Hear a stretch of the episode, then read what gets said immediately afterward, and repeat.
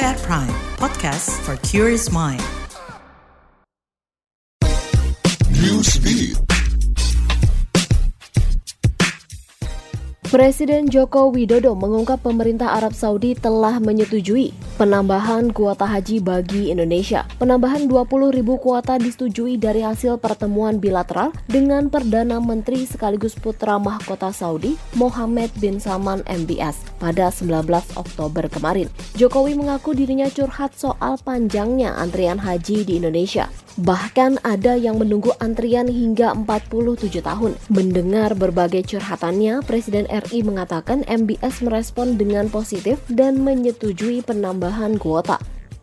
Agensi solois asal Korea Selatan Ayu, Idam Entertainment mengeluarkan pedoman etiket bagi penggemar. Pedoman ini dikeluarkan setelah Ayu mendapatkan ancaman pembunuhan. Pihak Idam Entertainment mengatakan pedoman dikeluarkan demi meningkatkan perlindungan keselamatan dan privasi dari pelantun lagu Good Day tersebut. Beberapa aturan adalah penggemar dilarang mengunjungi tempat-tempat di luar jadwal resmi Ayu. Contohnya perusahaan, studio rekaman, ruang latihan, salon rambut, atau make up hingga kediaman sang artis. Agensi Ayu juga meminta para penggemar tidak memaksa berbagai kontak fisik maupun mata dengan sang artis, juga tidak mengikuti Ayu hingga zona keamanan dan pengambilan bagasi di bandara. Salah satu sanksi dari pelanggaran adalah dikeluarkan dari klub penggemar Ayu.